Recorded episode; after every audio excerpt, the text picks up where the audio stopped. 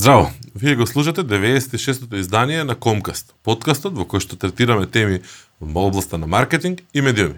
Нормално, овие последни неколку недели многу повеќе маркетинг, но не ги забораваме медиумите. Моето име е Дарко Болдиовски, а ова е официјалната најава на нашиот Комкаст.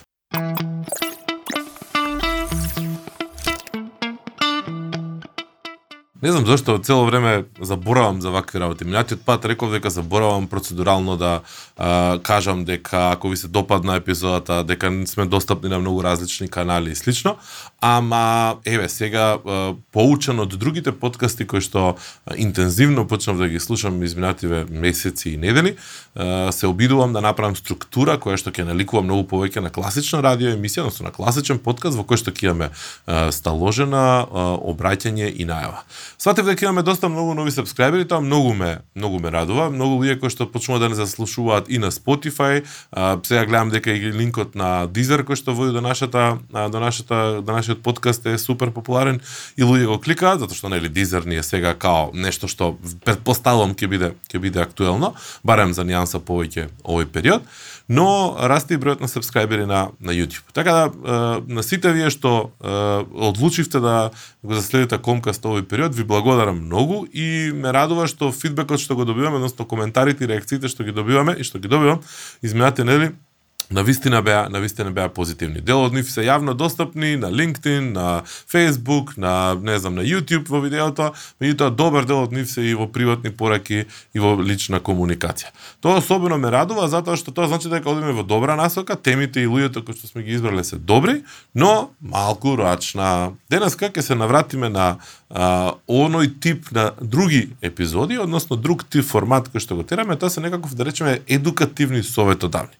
Изминатите две епизоди на Комкаст имавме гости и траја некаде отприлика по еден час, што ги надминува моите лични преференции, односно желби за тоа колку долго би требало да трае еден подкаст, затоа што јас кога ќе видам некој подкаст да трае толку долго, тешко се одлучувам да почнам да го слушам. Не не велам дека не беше не беа интересни да ги следи човек до самите самиот крај. Јас сам се ги преслушав неколку пати, ама за да нели не биде дека сам на своето си погазувам, оваа епизода ќе биде ќе бидам сам, затоа што ќе треба да направиме малку пауза пред да следнеме да, да, да почнеме со новата тура на гости кои што веќе се најавени, дел од нив веќе а, се закажани снимањата а, и ќе зборуваме за уште една едукативна тема. Едукативна тема затоа што, односно советодавна, односно наречете како сакате. Uh, имаше супер реакции, покрај тоа што бројките не беа страшно големи, меѓутоа супер реакции за она видео кога зборував за како да направите подкаст. Uh, изминативе неколку недели, буквално нема ден да не да помине, а да uh, некој лично не ми сконтактира да ме праша, еј, како снимаш, како кај да најдам ваков микрофон, како да направам она, од кај го зема тоа, од кај го зема ова, од кај го зема она. И покрај тоа што во Македонија реално изборот за еден куп вакви работи од техника се е доста ограничен, сепак може нешто да се најде. Инспириран од сите овие прашања и сите овие коментари и сите овие дискусии кои што ги имав изминатите недели, решив да направам второ е, продолжение, односно втор дел од а, темата како да направите подкаст, односно како да снимите подкаст. Uh, некако ќе му дојде како она затоа што многу ми да ме прашуваат, еве сега јас ќе ви ќе ви кажам. Така да и покрај тоа што е застарена застарена форма на нели објава на на социјалните медиуми, а, сепак ќе искористам таа джокер карта да направам оваа епизода, затоа што многумина од вас ме прашуваат, еве ќе ви кажам еднаш за секојаш и ќе ви пуштам само линкови постоа да не објаснувам за секој за секој посебно. Шега на страна. Во првата епизода, ако не сте изгледале, изгледате, некаде таму горе сега тука ќе ставам ќе ставам линк на YouTube, ако не ќе најдете а, во претходните епизоди а, линк до како да снимите подкаст. Зборувавме за структурата, а, за подготовката, за нели што е потребно да внимавате, за дистрибуција на аудиото и така натаму. Реков дека оваа епизода ќе зборуваме малку повеќе за техничките работи, затоа што често а, а, тие ни представуваат пречка. Зошто меѓу другото е добро да а, и слушате оваа епизода? Затоа што а, овие совети може во голема мера да ви помогнат ако а, многу често сте на Zoom или на Teams или на не знам Google Meet и така натаму, значи Skype и така натаму. Платформите преку кои што многу често денес имаме презентации, со, состаноци, дружби и така натаму. Има посебна една тема која што во иднина ќе обработам за некои две-три недели од денеска, која што е како да направите добра презентација на а, Zoom или слично. Меѓутоа денеска ќе кажам само внимателно слушате го техничкиот дел затоа што во голема мера работите ќе се преклопуваат ако сакате добро да изгледате и на тие состаноци. Епа, ајде вака. Значи, прво и основно, запратите го Comcast на YouTube, на uh, uh, Anchor или на Spotify, на Deezer, на Google, на iTunes, каде да слушате аудио подкасти. Мене ќе ми биде особено драго ако се претплатите на аудио верзијата и покрај тоа што имаме за нијанса помалце контрола таму, сепак ми е драго кога ќе знам дека расте бројот на аудио слушатели. Да почнеме од почеток, иако не знам точно дали е ова најдобриот почеток, меѓутоа најчестото прашање или првата битна работа за снимање на добар подкаст ви е аудио, односно снимање на самото аудио. Uh, има многу различни верзии, многу различни пристапи како тоа може да направите. Во првото видео јас зборував дека имате опција да, да купите а, или бубица мала микрофон или да земете а, некако ваков поголем студиски а, микрофон кој што може да биде USB или нели стандарден а, кондензаторски микрофон. Но ова епизода ќе ги трнам сите тие други опции на страна, само ќе ви кажам, немојте да се летате по геймерски микрофони. На пазарот кај нас продавниците кои што продаваат IT опрема нудат неколку различни типови на микрофони. А, некои се може би од некакви познати брендови, може би не, не е важно. Тоа се најчесто онакви класични геймерски микрофони кои што не велам дека не се добри, меѓутоа се далеку од квалитетот на а, а, добар микрофон, аудио подкастерски микрофон кој што ќе ви треба. Зошто? Затоа што тие стојат на маса, затоа што со нив ако сте пред компјутер кој ќе удрите се пренесува целиот звук, затоа што широко фаќаат, не се насочени и така натаму. Леснотијата кај нив за користење е заради тоа што имаат USB интерфејс, односно имаат звучна картичка внатре и само со обично приклучување на USB во вашиот лаптоп или компјутер ќе го добиете звукот за да може да го користите да го снимате каде и да сакате.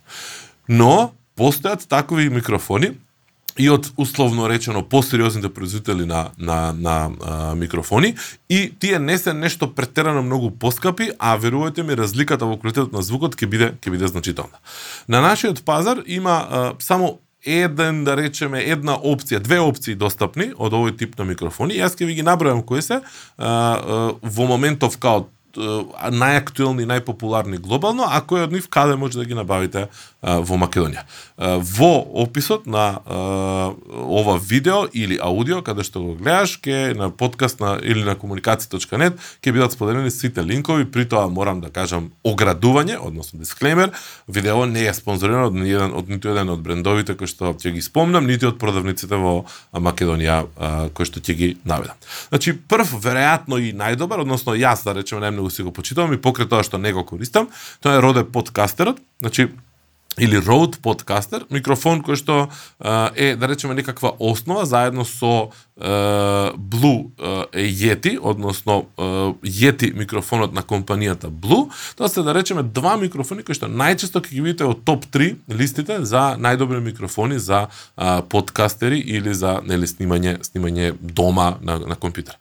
Станува збор за USB интерфејс. станува збор за микрофони кои што имаат опција да го појачате или намалите гласот на самиот микрофон. Не сум сигурен, мислам дека некој од или двата или само еден од нив имаше опција и да закачите слушалки директно за да се слушате нели како аутпут од него да да извадите звук.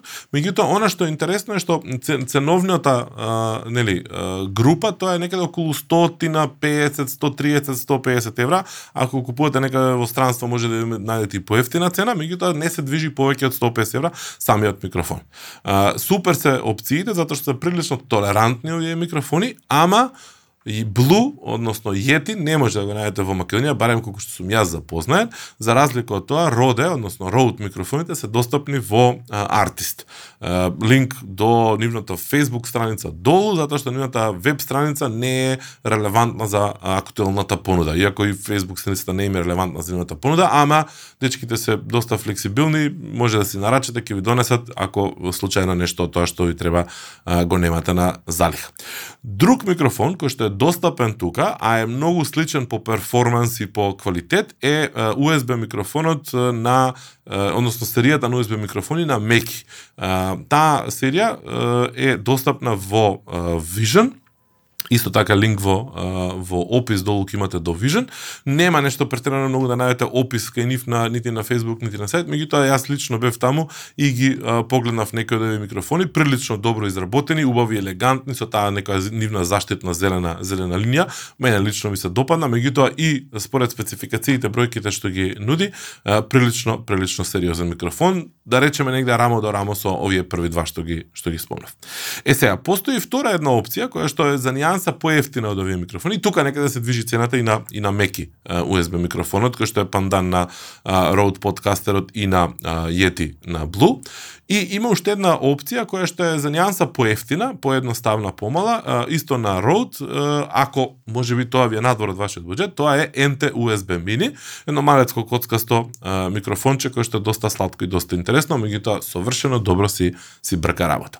Е сега, што е друго важно од микрофоните? Значи, не е секојаш важно само да нели даете пари да волку толку онолку, проверете на интернет, прочепкате, прочитете, напишете за што точно ви треба за да знаете дека ќе го одберете вистинскиот. Ви ги препорачувам USB микрофоните како за почеток, затоа што прво се поевтини како вкупен, вкупен трошок, не ви треба аудио картичка посебна за да може да го внесете звукот во компјутер. Второ затоа што се потолерантни во работата, затоа што ако се движите напред-назад, нема толку многу осцилации а, во звукот да добиете и лево-десно ако се движите нема толку многу осцилации да добиете, затоа што се потолерантни и а, поддинамичен рейндж, односно опфат имаат овие микрофони. Uh, втор многу важен дел околу снимањето на аудиото. Вие просторијата во која што снимате. Значи, а, не е доволно да имате само добар микрофон. Добар микрофон си бара и добра просторија во која што звукот ќе а, нема да се одбива од многу од многу делови. Избегнувате ќошиња, избегнувате позади себе да имате а, тврда површина како некакво стакло или дрво или нешто кое што ќе се одбива а, одбива звукот. Ако можете седнете подалеку од некоја рефлективна површина а, веднаш позади вас. Денеска како што може да видите и кај нас овде во во студиото, а, прилично лесно, ефтино, едноставно едноставно е да најдеме замена на оние картонски кутиите од од јајца што ги се става порно во студијата во гаражите кога снима кога снима бендовите. Тоа се овие некакви абсорбери на звук кој што се обичен сунгер, мислам не е сега обичен сунгер, ако го купувате, ама не ќе ви го изрекламираат како кузен што, меѓутоа е сунгер кој што а, а, прави абсорбција доволна за да може да се а, впие тоа ехо што нели иницијално може да се може да се јави да се слушне. Верувајте ми, неколку вакви а, панели а, може да направат значителна разлика во просторијата во која што сте, затоа што а, има некои што изгледаат и поразлично и поубаво, има и некои што се де, со декоративни рамки, а, нив ги има исто така во Vision, односно може да се се нарачаат во Vision, меѓутоа има еден посебен сајт аудио акустик или нешто така како да видите целата гама што е достапна. Ако не се лажам, мислам дека е тоа некоја бугарска фирма, меѓутоа овие кај нас се набавени набавени во Vision и може ми се чини без никаков проблем да се нарачат тие. Постојат и делови за ќошиња кои што се доста важни затоа што ќошињата се нај рефлектирачки делови на на некоја просторија, па ако сакате можете многу лесно да ги да ги изолирате, односно да ги анулирате нивните влијанија на вашиот звук а, на тој на тој начин. Бас трапови, мислам дека мислам дека се викаат тие. Значи, а, важно е да да внимавате на просторијата, да не влезете во празна просторија, затоа што многу повеќе ехо има во празна просторија, да не влезете во преголема просторија и а, обично домовите се добри во некои ситуации затоа што имаат многу елементи, многу многу абсорбери на звук и нема толку големо ехо. Канцеларија знае да биде попроблематично, особено ако е помала, ако се зидовите поблиску, тогаш ќе треба малце посериозно да а, размислите за а, тој елемент. Уште една важна работа, не е работа дека мора да ја имате, за да биде као нешто а, слушливо доволно добро, тоа е овој поп филтер овде, односно оваа мрежичка која што стои пред микрофонот. Некои од овие микрофони што ви кажав имаат и како вграден поп филтер внатре во самиот микрофон, некои од надворешно а, имаат поп филтер, за некои може да се докупи, ја ги има типо AliExpress и слично, меѓутоа е добро затоа што овој поп филтер всушност не дозволува а, нели кога ние зборуваме блиско до микрофонот а, да влегуваат а, да се зарази со корона микрофонот, односно честичките и плунката која што лета да удира во микрофонот и да прави дополнителен шум и дополнителен звук. Не е нешто што е најнеопходно, меѓутоа ако веќе правите сетап, размислувате дека тоа може да биде плюс во изборот на микрофонот, затоа што може би имате и некаков сет. Дополнително битна работа, врз основа тоа како планирате да снимате, е дали ќе имате на самата маса микрофон поставен или ќе имате ваков некаков деск арм или нешто слично. Има и многу поедноставни и помали. Некако ние немавме во тој момент избор да да најдеме помали, земавме вакви големи, иако мене ми се така како чудовишта малце. Има многу поедноставни и помали, меѓутоа е многу важно затоа што тие ќе ви дозволат да се движите слободно, да удирате по маса, да пишувате, да куцате на компјутер, да да правите некои различни работи и да бидете сигурни дека нема да влие сето тоа на звукот што го што го снимате. Не се нешто претерано многу скапи како додаток, меѓутоа ако еднаш седнете почнете да размислувате да правите некаков а, сетап, односно некаква опрема, а, тогаш размислете дали и тоа ви треба. Секој пат, верувајте ми, ќе ви значи а, и ќе прави голема разлика ако не ви стои микрофонот на на маса. Значи, зборувавме за избор на микрофон, зборувавме за просторијата на снимање и како таа малку од малку да ја решите. Некој пат е, може да ставите некакви перници, може и стаклена волна да се преправи да се е, направи во дифузер и така натаму, абсорбер дифузер, ја не се не разбирам толку многу да бидам искрен тие работи. А, јас си користев помош повеќе пријател кога го правевме ние овде студиото, но а, тука некаде завршуваме со моментот на снимање, односно подготовка за снимање на аудио. А, во подготовката за снимање, ако вклучите и видео, а, тогаш еден, една, единствено нешто повеќе што ќе треба да внимавате од овој момент е светлото. Значи, е, има еден куп туторијали, еден куп едукативни видеа на интернет како да се наместите со камера, како да го наместите светлото, дали е тоа дневно, дали сте покрај прозор, дали нели имате вештачко светло и така натаму. Денеска има доста опции да се купат светла, почнувајќи да од ние наједноставните ринг lightови кои што нели сега за инфлуенсерите и инфлуенсерките да ги користат за шминкање и слично, меѓутоа доволно вака пред вас ако стои на, на, на компјутер, пред компјутер ако планирате да снимате така од близко, може да дадат доволно светлина за да го осветлат лицето и да, бе, да имате веднаш почиста, појасна, појасна слика. Верувајте ми, квалитетот на видеото, дури со обична веб камера на Zoom која ќе бидете, значително многу се менува кога ќе имате добро добро осветлување. А, ако сте на дневна светлина, тоа гледате нели светлото да во вас, да не сте вие позади вас да има прозор, значи никако светло позади вас, затоа што а, тогаш ќе бидете многу потемни и особено послабите камери нема може добро да го да го извадат тоа. Ќе се вратам назад на а, изборот на камера, меѓутоа предходно ќе зборувам за а, избор на софтвер. Значи, постојат повеќе различни опции со кои што може да сним, снимате на самиот компјутер. Од обичните аудио рекордери кои што ги имаат најголем дел од оперативните системи, вградени а, во себе или на телефон и така натаму, до а, софтвери а, кои што се плаќаат или се бесплатни и така натаму. Но ако сакате да снимате подкаст со гости, во кои што нема да бидат во вашата во вашата а, просторија, односно односно ќе сакате да ги да се поврзете преку интернет со нив, избегавајте го Zoom, значи немојте Zoom да го користите. Прво и основно затоа што Zoom го уништува звукот. И покрај тоа што во напредни подесувања на Zoom има опција да исклучите а, Zoom да го оптимизира звукот, туку да го снима оригиналниот звук и тоа значи дека секој кај себе а, корисник ќе може да си го снима оригиналниот звук и тоа е добра препорака, ама е тешка за имплементирање кога луѓето од другата страна не ви се толку многу технички подготвени и спремни да експериментираат, но мојот совет ви е во таква ситуација да размислите да користите некоја од алатките кои што се достапни на интернет за е, снимање на е, подкасти. И тука пред се зборувам на алатките од типот на riverside.fm, зборувам на алатките од типот на Squad, Squadcast, зборувам на Zencaster, зборувам за уште една имаше, само да ја најдам кај ми беше таа, CleanFit. Значи CleanFit веројатно е нај, најдобра за бесплатната варијанта што што ја дозволува за снимање. И таа дозволува преку браузер а, да секој а, независно учесник во подкаста си го снима своето аудио и на крај без никаква компресија, без ништо да се закачи тоа на интернет и да го добие тој креатор, креаторот на самиот подкаст да го добие аудио е, записот во да речеме многу подобар квалитет без е, дополнителната компресија што ја прави интернет конекцијата или не да боже не да боже Zoom.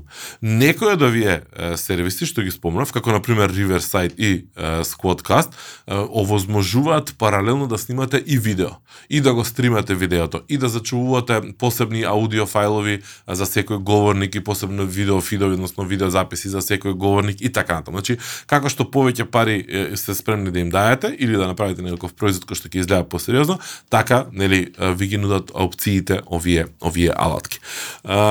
Но да се вратиме, значи тоа е околу снимањето, да повторам уште еднаш. Ако можете да се дозволите, и ако има и бесплатни опции кои што во некоја ситуација некој од нив и бркаат работа, тука особено мислам на CleanFit, меѓутоа ако снимате со други луѓе, со гости преку интернет, ако само аудио објавувате или планирате да објавувате само аудио, баталете го Zoom, снимате, снимајте, снимајте преку некој од овие алатки или ако ништо друго, снимајте секој локално а, со соговорниците, потрудете се да им објасните како да го направат тоа, ако самите не знаат, па после тоа работите во монтажа, верувајте ми, разликата ќе биде значителна. И сега доаѓаме до делот со е, снимање на е, е, видео, односно што би требало да е, имате предвид кога треба да се опремите за да снимате за да снимате видео. Не е ништо ново, не се обидувам да ве направам јутјубер или да биде совет ова за јутјубери, иако во неколку ситуации сум видел дека и јутјуберите знаат да направат знаат да направат грешка. Океј, сите сме ограничени со различни типови на буџети, некој пат и телефон ќе биде доволно а, добро, а, не дека квалитетот е лош, меѓутоа една многу важна работа. Ако инвестирате да дадете пари во камера, купете Sony, купете Canon, купете Nikon, не е важно. Сите тие се супер камери, особено DSLR-ите и mirrorless камерите, особено mirrorless камерите, иако се поскапи, затоа што автофокусот, аутофокусот нивни е сериозно добар. Особено на Sony и Nikon и, и, и Canon, мислам, тука ги имате и Fuji и другите, не е ни важно. Значи не е важно која камера ќе одберете. Важно е да знаете дека постои опција да извлечете повеќе од камерата. Немојте да купувате апарат а, фотоапарат, камера, исто му доаѓа, кој што нема опција за приклучување на надворешен микрофон. Затоа што тоа значи дека ќе бидете осудени да утре ако сакате да направите нешто подобро, не може да го направите тоа подобро затоа што сте ограничени. Сите овие вези што ви кажав на снимање на аудио до, во првиот дел од оваа овој оваа епизода, всушност се однесуваат на независно снимање на само аудио. Не оди аудиото во апарат. Ако сакате да влезе аудиото во апарат и да директно да го имате видеото со аудиото, аудиото комплетно, тогаш мора да има надворешен а, микрофон, опција за приклучување на надворешен микрофон.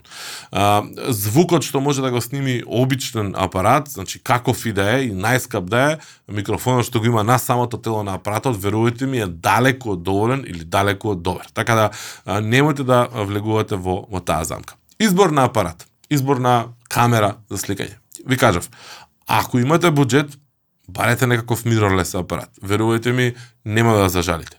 А ако немате буџет, било каков DSLR е, е, ќе заврши работа. Оно што е многу поважно е да размислите да имате добра добра леќа, односно добра а, оптика. А, зависно тоа што сакате да снимате, сакате од близко движење, сакате вака статично како ние што снимаме сега, многу е битно да го одберете да одберете добрата леќа и да одберете фиксна леќа, затоа што а, острината и длабочината што ќе ви ја дава, многу често е многу подобра со со таквите леќи. Ако нешто од ова не разбирате што го кажувам, а сакате да знаете, повторно отворени се коментари, отворени се а, сите канали за комуникација, може да поставувате прашања. Значи, ајде да повториме уште еднаш Микрофон. Немојте да штедите. Сериозна разлика се добива со микрофон. Начин на снимање. Никогаш не снимајте преку интернет, затоа што интернет конекциите и софтверите джигер го прават а, аудиото. А, кога бирате просторија, изберете просторија во која што има помалку ехо или погрижете се да има помалку ехо. А ако сакате да снимате видео, обавезно размислете за светлото. Вклучете вештачко светло, докупете си некакви LED светла, не се толку многу скапи сега и тие, има достапни доста, не баш претерано многу тука, нешто има во Pix Plus, меѓутоа нема претерано многу голем избор, има и во Vision светла, не знам точно друго место кај има Но а, размислете за за светло. Едно, две светла, ring light, нешто нека нека има нека има опција. Нарачето да експрес оние коцките обични мали ледови и тоа може да брка работа. Значи било какво нека дополнително светло ќе ви даде а, друг друго ниво на на квалитетот на сликата. И размислете со што снимате, Немо не е проблем да биде и телефон, меѓутоа немате да очекувате брда и планини. А, една важна работа што ја заборавив, трипод, односно статив.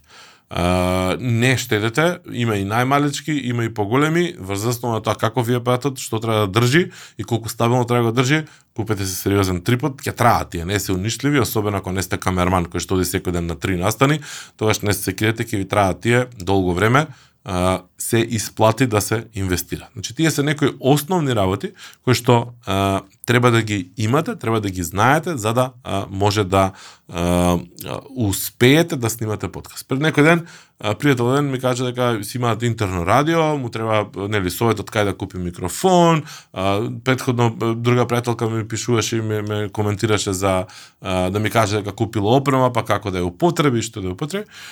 Не брзете Значи не влегувајте во првата продавница а, да ги купите сите работи наеднаш, а, истражете, денеска на интернет има милиарда ревјуа, милиарда текстови, а, прашите некој што знае околу вас, прашите некој поискусен. Има еден куп луѓе што се бават со музика, што се бават со а, снимање, аудио видео кои што може да ви кажат од искуство што ви треба, што не ви треба, кој ќе им кажете што што сакате да добиете на крај. Немате да избрзувате и верувајте ми се исплати да се инвестира време пред се и нормално пари ако сакате да добиете производ кој што ќе биде квалитетен. Тука некаде официјално не завршувам оваа епизода, имам уште некоја минута за да одјавам, од прилика две, а, и ќе се заблагодарам на сите што успеат да стигнете до крај. Ќе ви кажам дека уште еднаш за подготвуваме супер нови гости за следните неколку недели, но ако имате некое прашање или ако сакате да видите некоја некој гостин или гостинка во Комкаст и ако сакате да видите некоја тема, односно да слушнете некоја тема за која што нели би требало да да да се продискутира и мислите дека треба да се продискутира, коментарите се отворени, може да ја пишете и на комуникација.нет во коментар, и на YouTube, и каде да стигнете на Facebook, на LinkedIn, секаде каде што нели ќе успеете да не да, да се докопате до а, Комкаст.